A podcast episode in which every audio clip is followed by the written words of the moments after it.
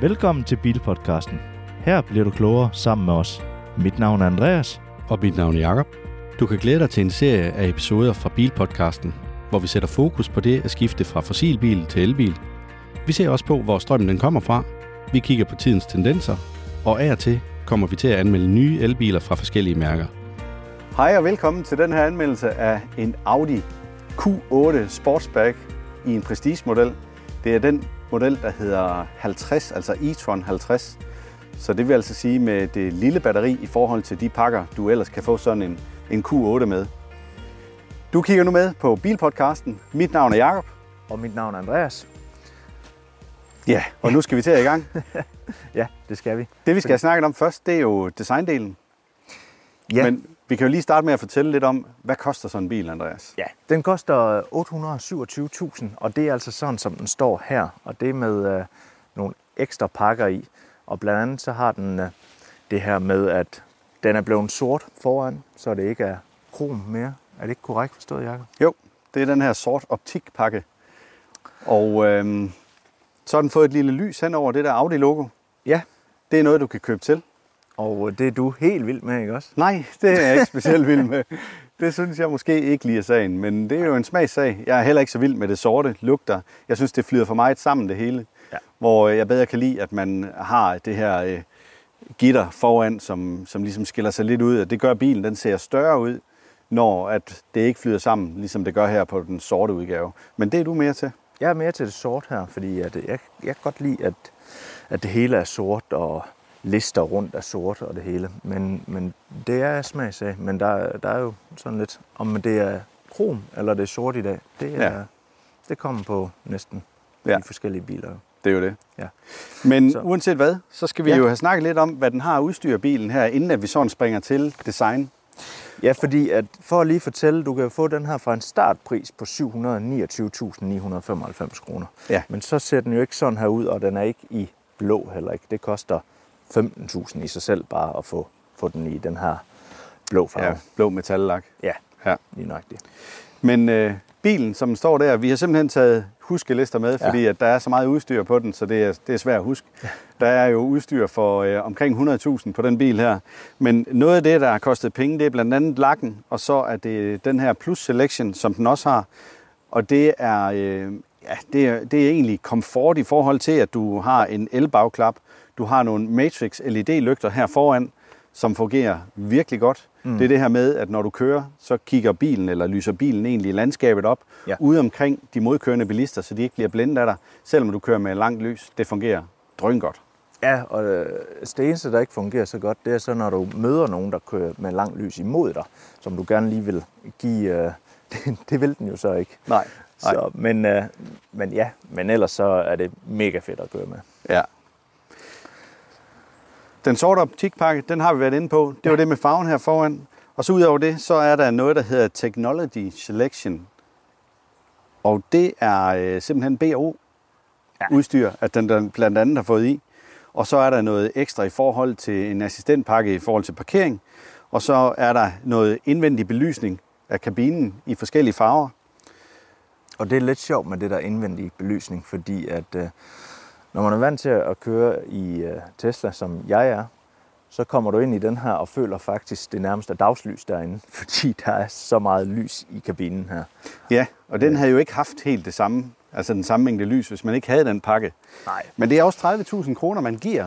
Og jeg vil det- sige, ja. at øh, BH-systemet, og normalt, så, så er det jo ikke, så er det ikke lyden, at vi gør så meget ud af. Men det er jo sindssygt, det spiller godt i den her. det, det er jo helt vanvittigt. Det spiller rent helt op til, jeg ved ikke, bagruden er ved at hoppe ud, føler man næsten. Det er ja. Ja. helt vanvittigt. Jamen, jeg, jeg fik den lige skruet godt øh, op på vej ned til dig i dag, hvor at øh, bagspejlet det rystede noget. Ja, ja. Men man kan også se bagruden, den hopper. Men en anden ting, der så er ved, ved den sidste pakke her, som er et tilkøb, det er, at du får altså lige pludselig en ladeport her foran over i den her side. Det troede jeg faktisk var en standard ting. Tror du det? Ja, det og, Det skal lige siges, det er kun til AC, altså ja. Det er til hjemmeladning. Det er ikke til, når du lader ude. nej, og det, det undrer mig egentlig lidt, at man ikke har valgt begge ting.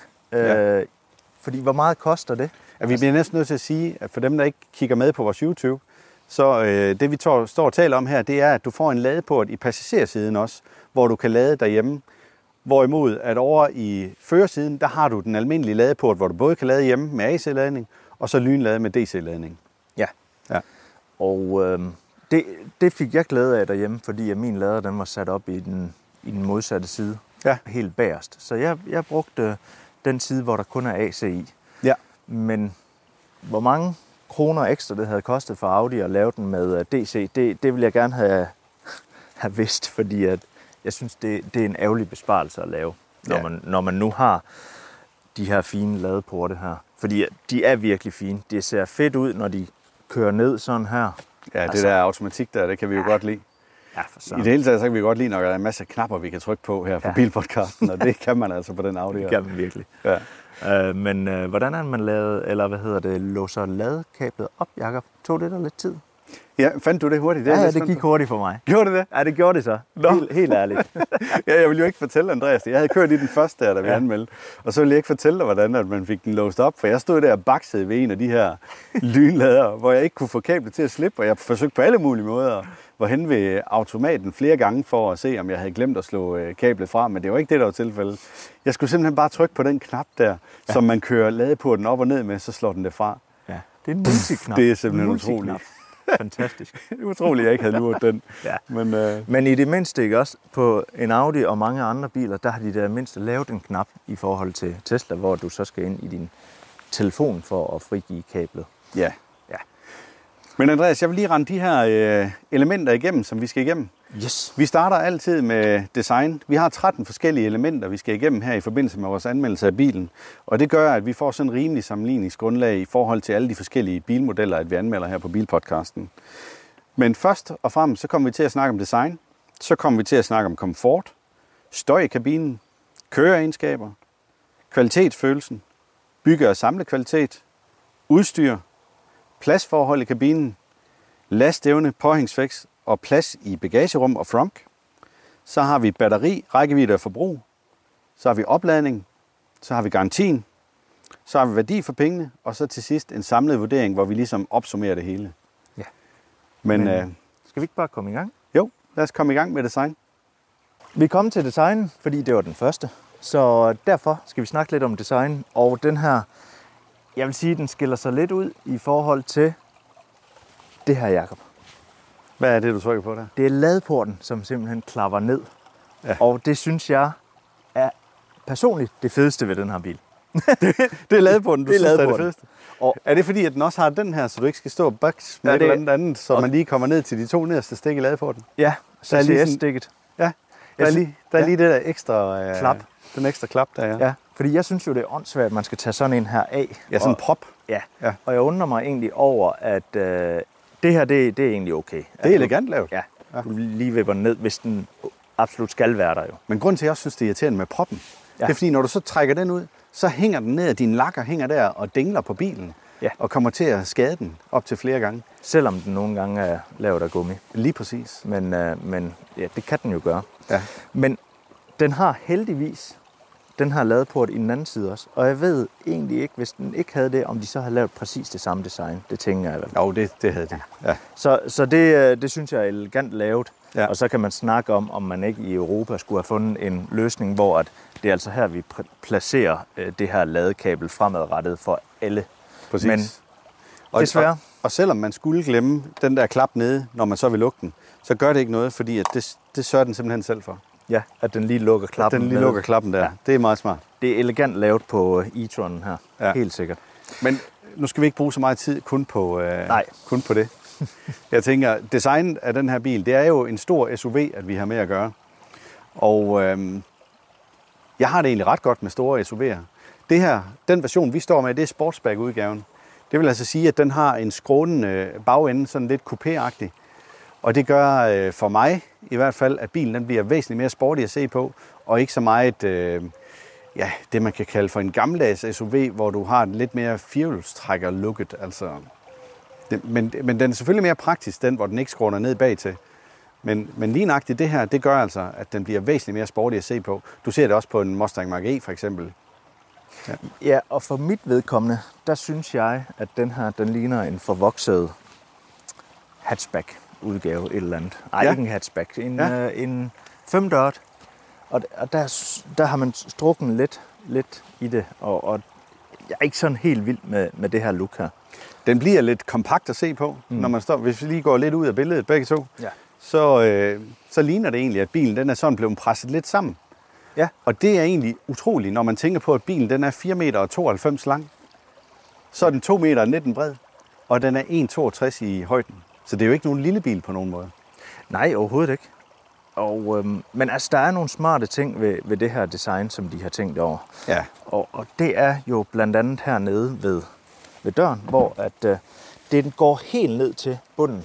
Og, og du har faktisk lige pludselig det herinde, som man altid hader, når man skal vaske.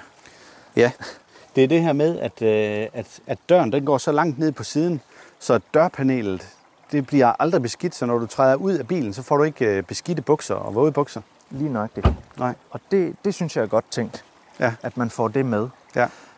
Når man så kigger lidt på øh, dækkene her, så er det ikke, altså, det er ikke noget, der sådan er vildt fede. Men, men øh, det kan man jo bare tilkøbe, hvis det er noget, man vil have. Altså, de har også varieret farven en lille bitte smule rundt om skærmkanterne, og også bunden af bilen.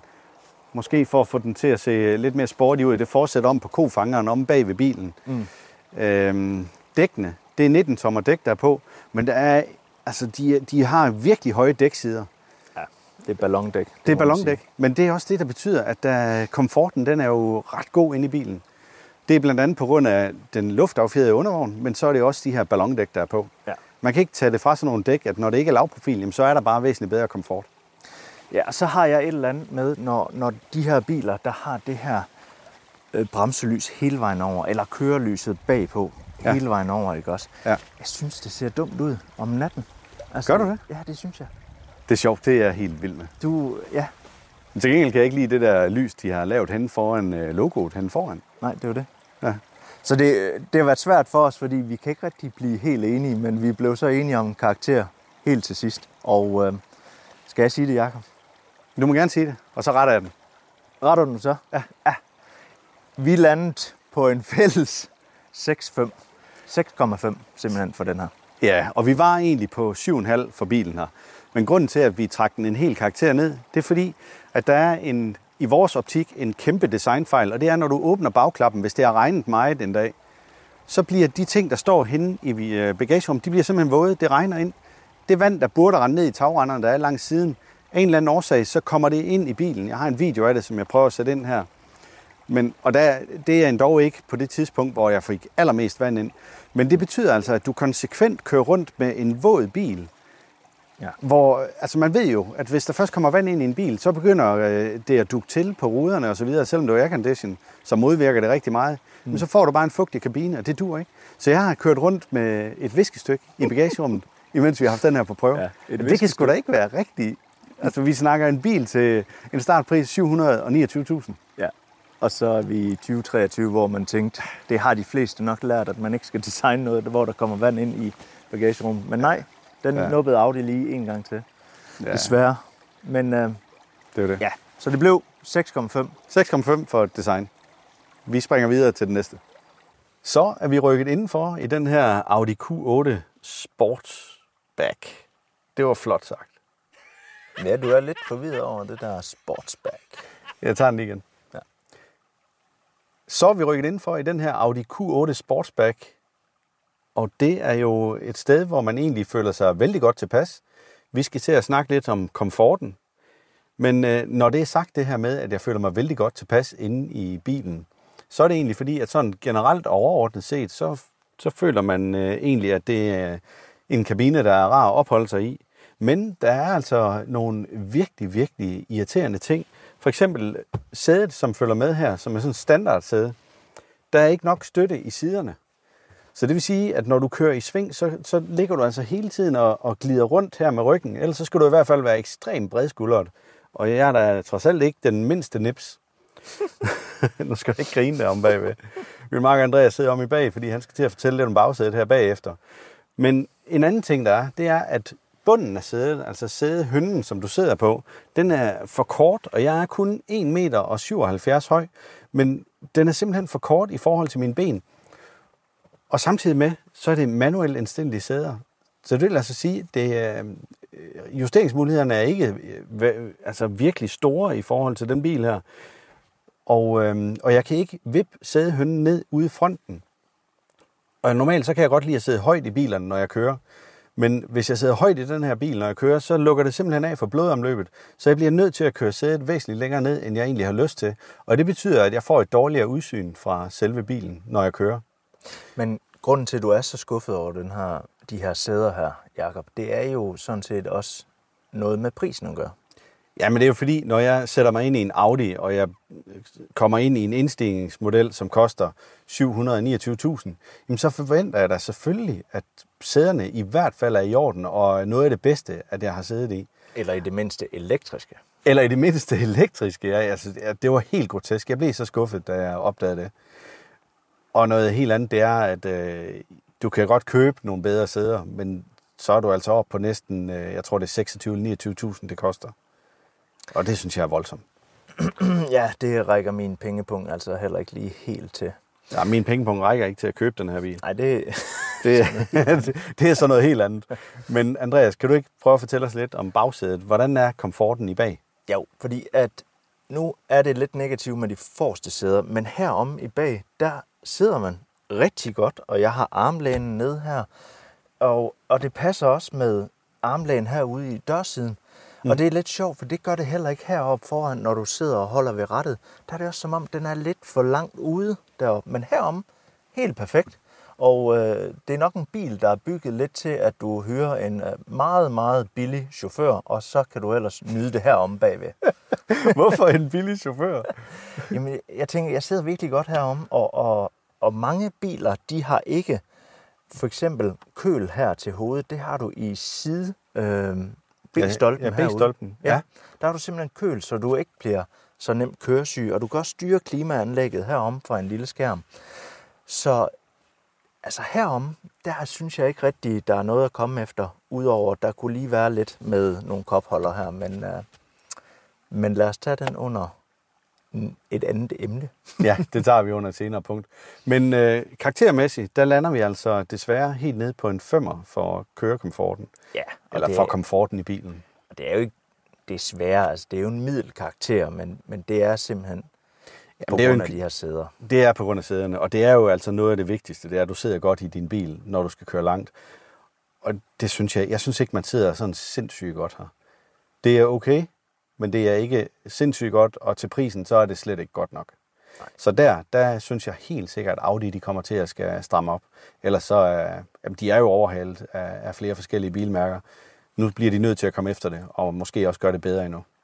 Ja, fordi det var også det, vi var lidt inde på. Audi kan ikke rigtig leve på deres fire ringe mere. Nej, det går ikke. De, må hæve øh, det niveau, som andre også kommer med. Og så ved jeg godt, andre de kommer jo fra Kina af også, men... Ja, det er lidt andre øh, forhold, der gør sig gældende der i forhold til prisen, så det er svært at konkurrere på. Men så må man bare gøre det endnu bedre. Og det duer sgu ikke, at man... Altså, jeg synes, de sover i timen her. Jeg synes virkelig, at de sover i timen. Det, det er bare ikke godt nok, og det skal de altså have stramt op på. De bliver overhalet indenom. Ja, det gør de. Og det duer altså ikke, når du kører i Q8. Nej, det gør det ikke. Nu har det måske været lidt negativt her, men uh, nu kommer vi faktisk til noget ekstremt positivt, fordi det er støj i kabinen, vi er kommet til. Og nu skal I ikke tage, at der kører en bil forbi, eller en motorcykel forbi her bagved, fordi at vi har, vi har åbne vinduer. Ja, det var lidt uheldigt. Men der er åbne vinduer, så derfor støjte det lige lidt. Men det her, det er altså noget af det ypperste, vi har oplevet med støj i kabinen. Den er så lydsvag, og når du kører 130 på motorvejen, jamen, så føler du måske, at du kører 80. Eller ikke engang. Måske 70. Den altså. støjede 76 decibel.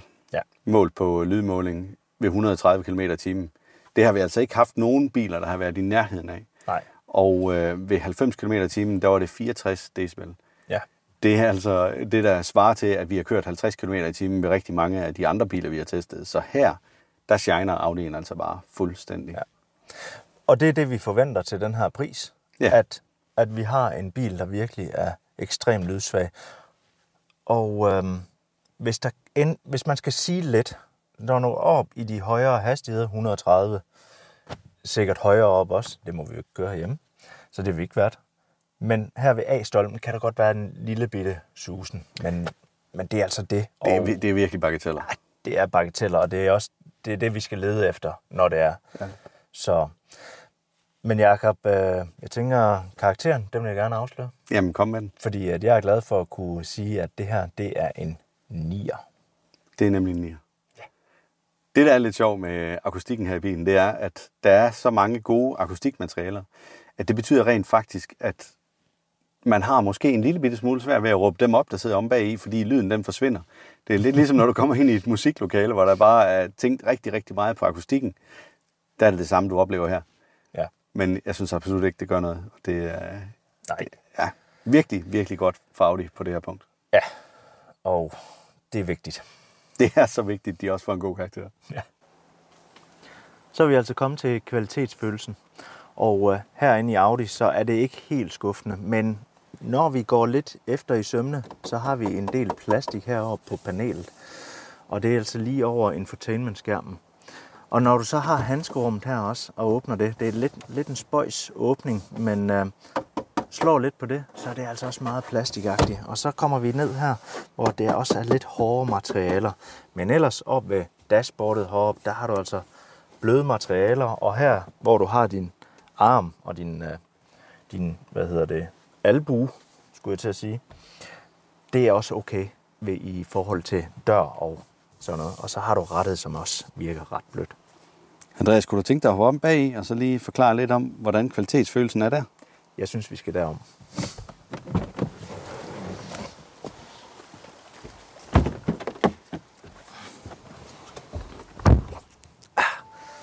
Herom der har du egentlig, jeg vil sige, øh, ligesom lidt før, det er super lækkert at sidde herom. Der er lidt plastik her i stedet for, men det har de fleste biler jo. Her, når, når du skal have din, i din øh, albue her, så føles det også bare rigtig fint. Og det, her, der er der måske lidt hårdt plastik.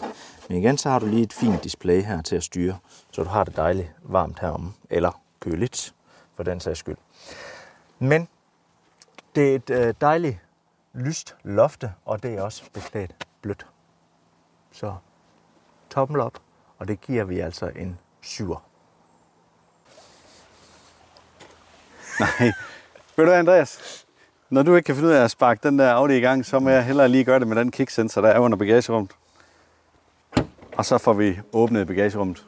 Ja, for det er faktisk for at vise lidt bygge- og samlekvaliteten i det her, i forhold til når den her kører op, så lyder det bare godt. Den går ikke ned og hugger i eller noget som helst. Det er bare smooth. Og nu tager jeg knappen, fordi jeg, jeg kan ikke finde ud af det der med min fod. Nej, Ej, det er lidt ærgerligt egentlig. Stille og roligt. Yes, det kan vi godt lide. Ja. Men bygger og samlekvalitet i forhold til, så kigger vi lidt på panel gaps her, og øhm, vi har lidt problemer med de forreste døre, eller forreste paneler op mod de forreste døre. Ja, Der er lidt. den, altså der er to paneler, som sidder på øh, ja, foran fordøren, hen imod forskærmen. Der sidder to paneler, og der er lige en millimeter i, i forskel i forhold til de her panel gaps, altså pladesamlingerne, der er ved de her paneler. Og det er det eneste, at vi har fundet på den bil. Lige bortset fra fronten. Ja. Og så det her med, at der kommer vand ind ved bagagerummet, når man åbner det. Hvis der, hvis der har- ligger meget vand på din bagrude, så når du åbner bagagerumsklappen, så kommer der altså vand ind. Og problemet med den her bil, det er, at det kommer hen i bag. Så det vil sige, at du får vand, der drypper ned lige hen i den bagerste del af bagagerummet i begge sider. Og det her det er en bil, som øh, accelererer utrolig hurtigt. Det vil sige, at alle de ting, de står altid der tilbage i bagagerummet. Fordi du skal virkelig ikke røre speederen ret meget. Og det glemte vi måske også at komme ind på i forhold til det her med akustikken i bilen. Fordi ja. den er så lydsvag, så det er jo, altså, jeg har taget mig se- selv i flere gange at have en tendens til at køre for hurtigt i bilen, fordi jeg fornemmer ikke farten på samme måde som i andre biler, fordi lyden mangler. Men også fordi, at det hele det bare er sådan, det er så flydende, altså det er, det gør den bare godt. Men det var ligesom det, jeg var lidt inde på med, om du, at når man kører 130, så føler du lidt, at du kører 70, ikke? Så, Jo. så på en eller anden måde, så var vi inde over det. Men, men så siger du fronten derude, Jacob, og Ja. det var egentlig dig, der opdagede det. Ja. Vil du lige gå hen og poppe hjælpen? Ja, så kigger vi på det. Ja. Og så er jeg så kommet om til forenden af Audi'en her. Og det er også lidt specielt, når man åbner den her. Der er sådan en pæl, man skal vippe til side. Jeg kan egentlig godt lide det. Men jeg skulle vende mig til det, fordi normalt så plejer man at kunne fange den deroppe. Der skal man altså lige ned med fingrene for at få øh, den sidste udløser til motorhjelmen. Men jeg synes, det er et gammelt ting, det her. Det kunne de, altså jeg skal Ja, ja, ind og, og hive i, en, i den gammeldags måde her. Nå, men det, ja, det er fordi, du er vant til noget elektronisk. Ja, Ja. jeg kunne jeg godt have synes- brugt en knap. Jeg synes, det er okay, hvis man nu gør det indenfra, hvor du lige udløser to gange, i stedet for at du skal herud og få beskidt fingre, fordi der, der kommer jo der kommer jo skidt ind der, det kan ikke undgås. Nej. Men fronten, altså det her plastikdæksel, Ja, det synes jeg måske, det, det er bare for billigt. ja. Altså det, det, det, det er ikke i ret god kvalitet. Men der, der er et dejligt stort front med masser af plads til kablerne, og hvis man løfter op i, øh, i bunden af fronten, så er der faktisk lidt ekstra plads, hvor du lige har lappegrej, hvis du punkterer. Ja, Så, øh, så alt i alt, så skulle der være 81 liter i fronten, med den plads, der er til det lappegrej nedenunder. og det er egentlig imponerende i forhold til, hvor skarp bilen den stadigvæk kan dreje. Fordi det her har vi været udsat for, at nogen Ja. de har lavet et stort front, og så kan bilen nærmest ikke dreje Ja. mere. Men, men også, altså, Ja, det, det er altså ikke, det er ikke kram, det her. Men, du- men når, når man så siger, at det er det eneste, vi bøvler med, det er, at fronten er lavet lidt plastik. Det er noget, du ikke kommer til ret meget, medmindre du skal ud og lade på en, øh, en AC-lader i byen hver dag. Ja. Så kommer du jo i den, fordi det er der, du gerne vil gemme dine kabler. Dem giver du ikke have til at ligge i bagagerummet. det tænker jeg i hvert fald, de fleste gerne vil gemme den der. Ja. Ja. Man gider ikke have de der våde kabler ind og ligge inde i bagagerummet. Det bliver noget værd noget. Ja, det er bare træls. Ja. Men, Men øh, ellers, prøv lige at lægge mærke til, hvor bred den her køler og motoren ja. den er. Altså bilen, den er bare enormt bred. Ja, Det er godt, der er 360 graders kamera på. Det er virkelig rart, ja. Ja. Men øh, En øh, solid nier igen, skam. Ja. Vi er altså oppe på nogle af de høje karakterer. ja, det må man sige. Men Så. nu, nu havde vi jo lige uh, Ioniq 6'eren, hvor vi bøvlede lidt med at lukke motorhjelmen. Og her, der dropper man den bare lige de sidste 10 cm, og så er den altså lukket. Det siger lidt om, hvor godt at uh, det her det er bygget. Ja, tyskerne kan altså bygge noget. Tyskerne, de kan sagtens. Det ville bare være rart, hvis det var sådan, de også fortsatte med nogle tingene indvendigt, Sådan er det. så de ikke bliver overhældt. Ja. Nå, men Andreas, jeg har sat mig over i passagersædet her, mm. Mm. og vi skal til at snakke lidt om køreegenskaberne. Hvordan oplever du den her bil i forhold til køreegenskaberne? Jamen, øh, nu, nu har jeg så faktisk været så fræk at køre i øh, comfort næsten hele tiden, fordi at det er en af de ting, som jeg synes, den gør ekstremt godt. Og øh, det kan jeg godt lide. Det er sjovt, fordi du plejer at sige, at du vil gerne have det dynamisk, det skal være hårdt. og så lige i den her bil, så skal det være komfort. Ja, men det er dejligt. altså, det, det er også fordi, man kan ikke høre noget ude, udefra. Altså, den, den er meget lydsvag. Ja. Så, så det, det hænger lidt sammen, tænker jeg. Komfort. Så Ja. det er derfor, at du vælger det. Det får dig simpelthen til at blive en mere rolig mand. En rolig, afslappet mand. Ja. Ja. Men bortset fra det, hvordan synes du, at den tager svingene? Jamen, jeg synes egentlig, den øh, står godt fast. Altså, den har også fået noget gas, og der kørte jeg egentlig også i comfort. Og øh, det, det, øh, det var egentlig okay imponeret over. Ja, vi skal også huske at sige, at det er jo Quattro-versionen. Ja. Så den har firehjulstræk. Ja. Så der skal altså noget til at sætte hjulene rundt. Selvom den har relativt mange hestekræfter. Ja. Fordi at... Øh, kan du huske, hvor mange hestekræfter bilen den har? Ja, var det 340 hestekræfter, den havde, ikke også? 340 hestekræfter. Ja. Og alligevel så sætter den ikke hjulene rundt, selvom det er vådt. Nej, den, står virkelig fast. Men ja. det er jo også en tung bandit, jo. Ja, ja, det er det. Det er det. Men, øh, og nu øh, Newtonmeteren, der må du lige hjælpe mig lidt. Nu kører jeg jo. Ja, men i forhold til de her 340 hestekræfter, så svarer det jo til 250 kW og et moment på 664 Nm. Ja. Så der, er- altså, den kan sagtens slæbe den campingvogn på de 1800 kilo. Den kan bare ikke komme så langt med den. Den kan bare ikke komme så langt med dig. Det, det er helt sikkert noget, man skal tage med i betragtning. Til gengæld så kan den komme hurtigere afsted med dem. Ja, for søren. Fordi fra 0 til 100, det har Audi oplyst til 6 sekunder. Og jeg har målt det tre gange, og alle gange er jeg kommet under 6 sekunder. Og mit gennemsnit på målingerne, det er på 5,7 sekunder. Så 5,7 sekunder, det er altså relativt hurtigt i sådan en bil her fra 0 til 100. Ja, det er egentlig imponerende, at, øh, at det er bedre end det. Og jeg måler det på den motorvejsrampe, som jeg altid plejer at gøre, hvor der ikke er ret meget trafik, men også hvor at det er så plant som overhovedet muligt, så det er ikke sådan, at man kører ned ad en bakke eller noget. Nej, så du får ikke alt for meget hjælp. Nej. Tophastigheden, den er oplyst til 200 km i timen, så øh, man kan altså også komme afsted. Men igen, hvis du kører ret meget over 110 i den her, så bruger den altså virkelig strøm. Ja, problemet er, at du kan ikke mærke, at du kører 110. Nej, det er det, der er problemet. Du har altså en tendens til at ikke at køre for hurtigt i bilen. Ja. Også selvom, altså, til held, altså, heldigvis så har du, øh, hvad hedder det, øh, en rigtig god funktion i form af auto, ikke autopilot, men adaptiv fartkontrol. Ja. Og den adaptive fartkontrol i den bil her, den fungerer bare rigtig godt. Det er sindssygt. Ja. Det er det. Så i forhold til det, der er du godt hjulpen. Men hvis du ikke lige har slået det på, så kommer du bare meget nemt til at køre for hurtigt i bilen. Ja, det gør man. Så det skal man passe på med. Ja. Men det var også det, jeg sagde til dig, da du fik den. Ja. Pas nu på med ikke at komme til at køre for hurtigt. ja. Men jeg, jeg bruger næsten den her fartpilot konstant. Altså, det er ligegyldigt, om jeg kører i by, eller ja. hvor jeg kører hen, så, øh, så bruger jeg egentlig mest fartpilot. Okay. Det, det er jeg mest til. Den har simpelthen ikke... Øh... Nej, den har ikke foldet ud. Det har jeg godt lagt mærke til. Så jeg kan ikke Desværre. trække den ikke her trække solskærm lidt længere sidelands for for bedre at lys. få lidt bedre lys. Nå, ja, men det er da trods alt lidt bedre på kameraet. Ja. Ja. Men øhm, altså, der er jo øh, flere forskellige øh, drive modes til bilen. Så du har den i komfort, har du sagt, men der er også dynamisk. Ja. Og det, der sker, når man sætter den dynamisk, det er jo fordi, at den har en øh, luftaffjedret undervogn. Det er, at undervognen den sænker sig, altså den sætter sig lige. Og så kommer du øh, til at ligge tættere på vejbanen med en hårdere affjedring. Og det betyder også, at den er bedre i svingene. Mm. Så, så det, der har Audi altså lige øh, et forspring der, synes jeg, i forhold til mange andre biler. Men det er jo altså også bare en dyr bil. Ja, det er det. Så man skal da, skal da have et eller andet for sine penge, jo. Ja, det skal man. Men øh, alt i alt, så skal vi næsten afsløre karakteren, skal vi ikke? Ja, landede vi den ikke på en 7'er? 7,5. 7,5 blev det. Ja. Så det synes jeg godt, at øh, Audi kan være tilfreds med. Vi er jo heldige med solen i dag. Ja, det må man Måske sige. ikke så godt til optagelsen, det beklager vi. Men ja, Men 7,5, det synes jeg absolut, at Audi de kan være tilfreds med for en bil, som er i SUV-klassen. Der er det altså svært at, at konkurrere med for eksempel en Polestar 2.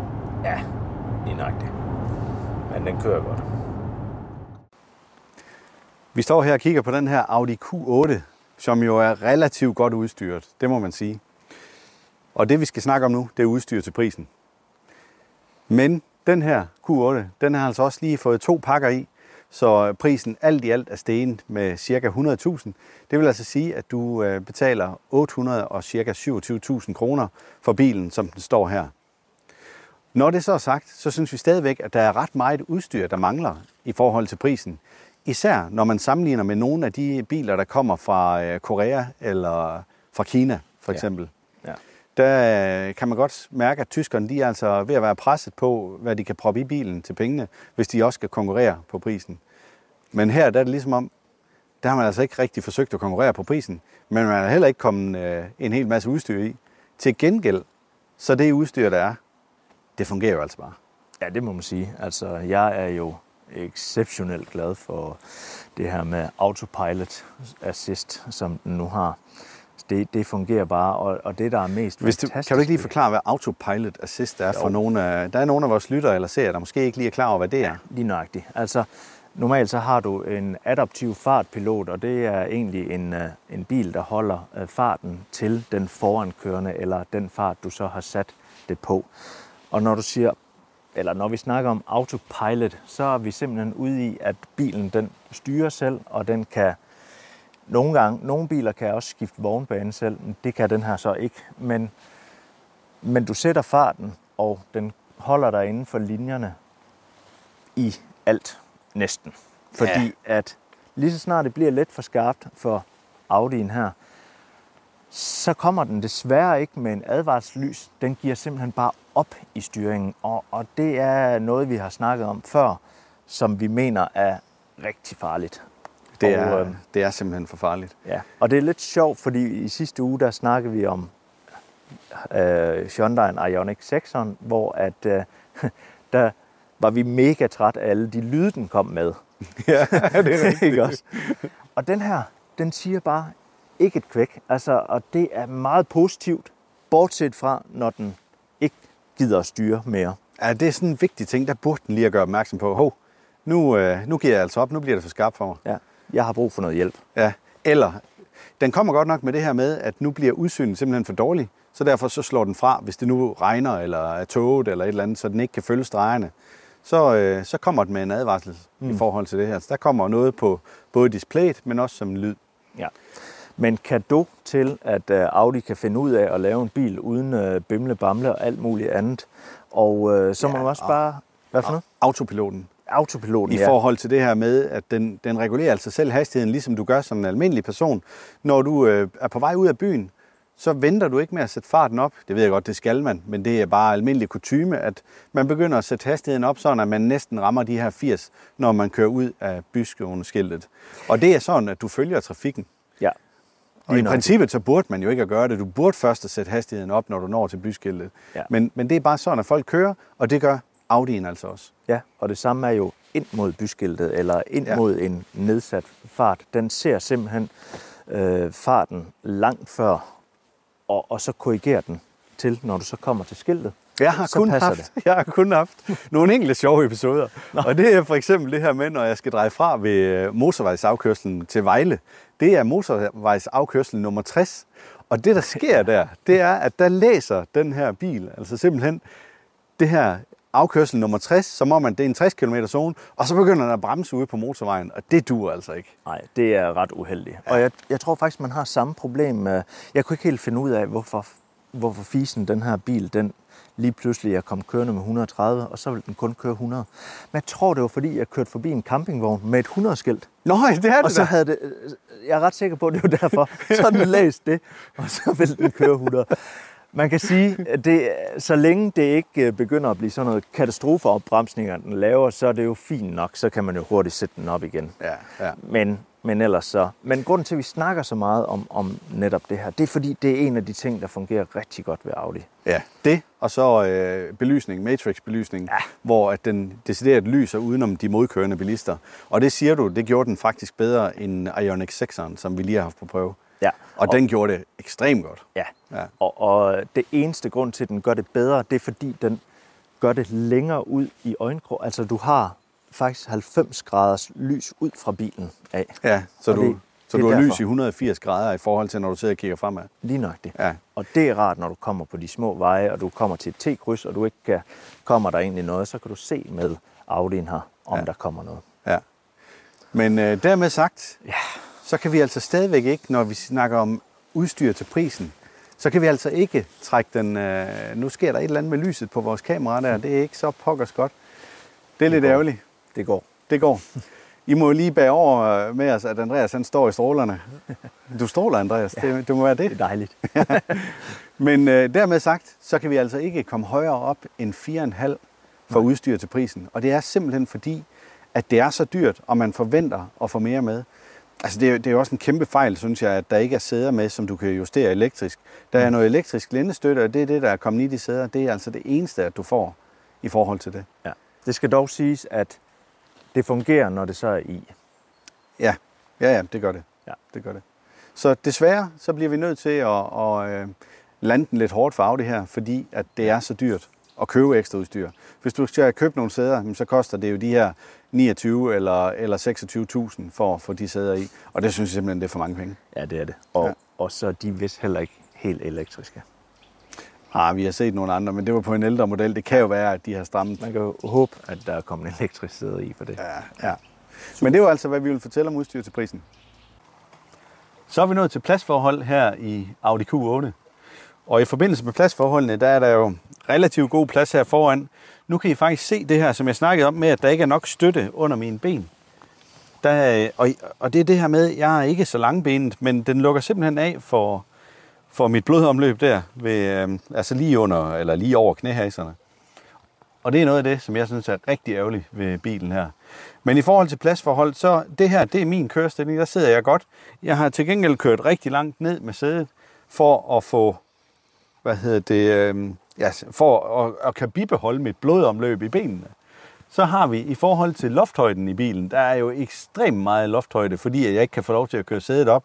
Til gengæld så kan jeg heller ikke se ret langt ud i forhold til motorhjelmen, så der er jeg utrolig glad for, at der er 360 graders kamera i. Kan du ikke Men- lige fortælle, hvor høj du er, Jakob? Jamen, jeg er jo de her 1,77. Nu prøver jeg lige at hoppe om bag ved mig selv, fordi så kan man se, hvor meget plads der er her om bagved i kabinen. Og her er det ligesom om, at selve sædehønnen, den er en lille bitte smule blødere. Den går også helt ud til mine knæhaser. Og så passer det med, med vinklen. Så selvom øh, der er faktisk lige sådan en lille kadangboks hernede, men det er ikke noget, der betyder noget, fordi den er ikke andet end 3 cm høj, så det generer egentlig ikke. Og du har mulighed for, som vi også nævnte tidligere, det her med, at du kan få luft ind, både ved midterkonsollen, men også heroppe i siden. Det synes jeg virkelig er super godt tænkt i forhold til den bil her.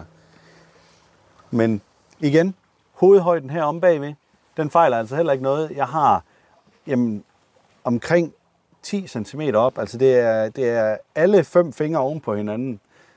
Og det, og det kan sagtens være der. Så cirka 10 cm. Det er der i hvert fald fra toppen af mit hoved og op til toppen her. Så pladsforhold i bilen her, selvom vi ikke har lige så meget plads som i Ioniq 6, hvor der jo var oceaner og plads foran min knæ, så er der altså stadigvæk rig mulighed for, at store mennesker de kan komme med ud og køre her. Vi lander på 7,0.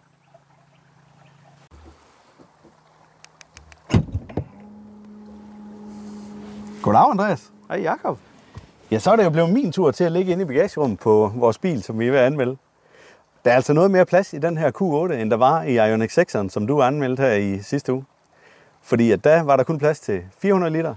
Her der er plads til 528 liter. Så der er altså god plads til en halvvoksen person som mig i bagagerummet. Du ligger ikke super godt, fordi der er en hård bund i, men bortset fra det, så er det meget godt. Selve bilen er en stor bil. Den vejer 2.510 kilo, og øh, til gengæld, så må den laste 660 kilo med en fører. Så det er altså relativt godt. Hvis du sætter en anhængertræk på, så må du, øh, så må du trække 1800 kilo her på anhængertrækket. Og det er med bremse, og hvis det er uden bremse, så må du kun trække 750 kilo. I forhold til last på taget, så må du smide 75 kg på taget. Det lodrette kugletryk på anhængertrækket, det glemte jeg lige at sige, det er 80 kg. Så alt i alt, så er vi altså ret glade for den her bil i forhold til, hvad den må laste og hvad den må trække. Og vi ender på karakteren 9,0. Så er vi nået til batterikapacitet, rækkevidde og forbrug. Og øh, her skal vi jo snakke om, hvad øh, bilen den indeholder af det. Og det store batteri, der er i den her, eller faktisk det lille batteri, som kun er på, det er ret stort i forhold til normalen, vil jeg sige. Men det er 95 kW. Du har en netto på 89 kW i det her batteri, og det er bygget på en 400 volts teknologi. Ja, og hvis jeg så lige skal komme lidt ind på rækkevidden, så er den her bil jo oplyst til at skulle kunne køre 495 km på de her 19 tommer fælge, som er på bilen. Og jeg kom ikke i nærheden af 495 km. Jeg opnåede 365 km på min rækkeviddetest, og der kørte jeg så godt nok 60% af tiden på motorvej, men det var i 18 grader varmt vejr, sådan i gennemsnit. Der var en enkelt dag, halvanden dag, hvor det regnede, og øh, det svarer altså kun til 74 procent af den rækkevidde, som de egentlig har oplyst. Og det ja. synes jeg bare er voldsomt kritisk. Ja, fordi forbruget, det har de oplyst til, det er 19,8 kW per 100 km. Men du har opnået 24,32 kW Det var mit Ja. forbrug. per 100 km simpelthen. Ja, ja. Så det er altså det er en ekstrem strømsluger, der står her bag ved os. Men den har jo altså heller ikke et ret øh, aerodynamisk design Nej. i forhold til al den vind, der kommer ind på fronten her. Nej. Men det er, jo- det er også det her med, når jeg siger det store batteri, for det er stort batteri. Kæmpe men, batteri. Helt vildt. Men det er det jo så bare ikke, for du kan få det, der er endnu større. Nej, men det kommer vi lidt ind på under, øh, under selve opladningen også. Ja. Fordi at, øh, der kommer vi jo til at snakke om størrelsen på batteriet her. Og hvor hurtigt man kan lade det op. Men øh, Andreas, vil du afsløre karakteren, eller skal jeg tage den? Du tager den, synes jeg. Vi lander altså helt nede på en karakter på 3,5 i forhold til batteri, rækkevidde og forbrug. Og det er fordi, at det her, det er ikke nok med, at det er en dyr bil at købe, men det er også en ekstremt dyr bil at køre i. Ja, det er det bare. Men du er lidt inde på det, Jacob, men nu er vi altså nået til opladning. Og øh, Audi'en her, den kan altså oplade med 150 kW. Og det er først, når vi kommer op på 78 procent, så dropper den ned til 100 kW. Så den har egentlig en okay ladekurve derudover. Ja. AC-ladning, det er, jeg vil næsten kalde det standard. Det er 11 kW. Det er der de fleste, der har. Og der lader den altså fra 0 til 100 procent på 9 timer og 15 minutter. Yes. Og i forbindelse, i forbindelse med min ladetest, der opnåede jeg at lade fra 10 til 80 procent, og det gjorde jeg på 29 minutter og 28 sekunder.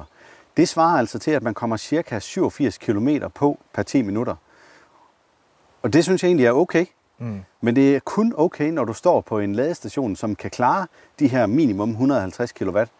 Fordi i langt de fleste tilfælde, så desværre, så den cleverlader, der er omkring Vejleområdet, jamen den har godt nok 150 kW, men øhm, så snart der er to biler, der holder ved sådan en ladestander, så deler den strømmen, og så får de cirka kun 70 kW ud til hver ladeport. Det er også ærgerligt. Det er simpelthen så ærgerligt, fordi så skal du altså holde længe med et batteri, som er de her øh, 89 kW netto. Mm. Det tager bare lang tid at lade sådan en størrelse op. Men, øhm, ja, fordi det er egentlig okay, som den lader, men det er bare kæmpe batteri. Du kommer ikke særlig langt, og, og det er også derfor, vi lander på middelkarakteren, der hedder 5. Ja, 5,0 ja. for det. Nå, garantien på den her, Jakob. Vilddyrt. Vilddyrt, ja. Ja. Det er to år uden kilometerbegrænsning. Og så har vi ellers tre år på lakken, og det er typisk tysk, vil jeg sige. Det er ikke særlig meget. To år? Det synes jeg nemlig heller ikke, det er ret meget. Nej. Nej. Når vi så snakker om batteriet på øh, dyret her, så er det jo et stort batteri, der ligger i. Det vil sige, det er noget, der er dyrt at reparere på senere hen. Så der ville det jo rart, hvis man havde en ordentlig garanti. Der er 8 års garanti på batteriet her, og ellers 160.000 km, alt efter hvad der kommer først. Men er det ikke også okay? Det, det er det i princippet, og så ikke alligevel. Fordi at i de her små skrifttyper, der står der, at det er 8 år eller 160.000 op til 70 procent. Mm. Det vil altså sige, hvis batteriet i bilen her måler 71 procent efter 8 år, og du kommer ned, og du synes ikke, at du øh, kan køre langt nok på din bil længere, jamen så dækker garantien ikke, fordi den er stadigvæk over 70 procent. Så reelt set, så mener jeg ikke, at de giver nogen særlig god garanti her, Audi. Det er kun, hvis der er nogle celler, der falder sammen, eller et eller andet, der er gået galt med lodningen, eller sådan noget, inde ja. i selve batteriet. Ja. Fordi vi har snakket om det tidligere i nogle podcasts, blandt andet i den sidste anmeldelse af Ioniq 6'eren. Ja, hvor du egentlig kommer ind på det her med, at øh, jamen, hvis du lynlader din bil hver dag i 10 år, jamen så kommer man faktisk ikke ned under 70 procent, som der er lavet nogle test på. Der er lavet nogle test på det, ja, og det var 10 år, hvor de havde ja. lynladet på bilerne, og de havde altså, virkelig været onde ved dem og lavet dem stå med for meget strøm på for længe osv. Og, og øh, de var ikke under 70 procent, de havde tabt omkring 17 procent. Så kan man jo så sige, når man så ovenikøbet skal, skal tabe yderligere 13 procent for, at du får del i garantien her, så er det jo ikke relevant. Ikke rigtigt. Nej. Det kan man ikke sige. Men igen, så er det positivt for den der, at, øh, at der faktisk, at de egentlig er rimelig velbygget, ja, ja, ja. de her elbatterier her. Helt sikkert. De holder væsentligt bedre, end man havde regnet med til at starte med. Ja. Noget andet, der er med bilen, det er, at der er 12 års rustgaranti mod gennemtæring. Så øhm, alt i alt, så lander vi altså på en knap så god karakter i forhold til garantien, fordi at konkurrenterne, de klarer det væsentligt bedre end den her Audi Q8. Ja. Så vi er nede på 4,0. Ja. Man kan nærmest ikke se mig heromme bag i bilen, fordi den er så stor. Jamen, det er jo det. Men, men det er altså noget af det, at ja. øh, vi skal til at snakke om også. Ikke størrelsen, men værdi for pengene. Ja. Får man meget værdi for pengene her, eller får man ikke? Og der er nok nogen af jer, der allerede nu har regnet ud, at her, der synes vi måske ikke, man får helt nok værdi for pengene. Nej, vi er, vi er, vi er jo, synes, den kører godt og alt muligt. Men igen, så er vi altså op i en meget høj prisklasse, hvor vi tænker, du kan godt nok få meget bil for pengene ved andre mærker. Så skal du måske gå på kompromis med nogle forskellige ting, men er det så okay at gå på kompromis for 300.000? Altså det er lige før, det er, jo, det er jo de beløb. Ja, det er faktisk de beløb, vi snakker om. Ja. Og spørgsmålet er, om man går på kompromis. Altså, det er jo et spørgsmål om, vil du køre i et premiummærke, eller vil du ikke? Mm. Fordi her, der kan du få en mindst lige så god SUV fra et andet mærke, men det er ikke premium. Det er er det ikke. Er du over i et premiummærke, så skal du op og give minimum 600-700.000 kroner for en bil. Ja. Og den her, den starter ved 729.000. Men vi bliver bare nødt til at sammenligne den med, hvad man ellers får på markedet. Og, og der kan du altså få ret meget kvalitet og ret meget udstyr for pengene i andre biler, som du ikke kan få her. Ja, altså, eller du kan jo godt få det, men så skal du endnu højere op igen, og så, så er det jo bare endnu værre, synes Og jeg. det gør virkelig ondt på mig, fordi jeg, Ja. jeg knus elsker Audi og har gjort det hele mit liv, Ja. og havde egentlig lyst til at give den øh, en højere karakter. Men jeg bliver også nødt til at være ærlig over for vores seere og vores lytter. Ja, realist også. Og realist, ja. Altså, Og de har altså bare fået konkurrence til stregen efterhånden Audi. Og derfor så bliver vi nødt til at lande den på en karakter, som hedder 4,0. Det passer ikke 5,0. Det var Ja, det, vi den- blev enige om. blev Vi rundte 5,0. den op til 5,0, ja. Ja, ja. ja. Og det er fordi, at det udstyr, der er i bilen, det fungerer bare rigtig godt. ja, og det gør det. Og det har vi været inde på, hvad der er Ja. rigtig godt ved den her bil. Men nu snakker vi lige værdi for pengene, Jakob, og øh, det var jo ikke helt prangende, men så galt er det jo heller ikke gået for Audi'en her, fordi den har nogle gode ting. Den har eksempelvis, at den kan trække helt vildt meget. Og, og så er der jo bare det udstyr, vi snakker om, at det simpelthen fungerer i den, og alt muligt. Så en samlet værdi på, eller en samlet score på de her 13 punkter, vi har, den er jo landet relativt okay. Ja, det er den. Vi lander på øh, 6,3, og 6,3 er jo egentlig en fornuftig øh, pris eller en fornuftig karakter for, for, for den her bil. Vi har andre biler i SUV-klassen, som ligger sådan cirka i det samme segment. Så i forhold til, at, at prisen den er så høj, og vi egentlig har, har været lidt efter Audi i forhold til det, så synes jeg egentlig, at den klarer det godt nok. Ja. Der er heller ingen tvivl om, at det er jo en fremragende bil, at vi står med her. Den kører drøn godt. Vi har slet ikke nævnt noget om øh, luftundervognen, som den også har. Mm. Så du har altså mulighed for at indstille den i, i forskellige højder eller, eller hvad hedder det, styrker i forhold til, hvor hård at undervognen den skal være.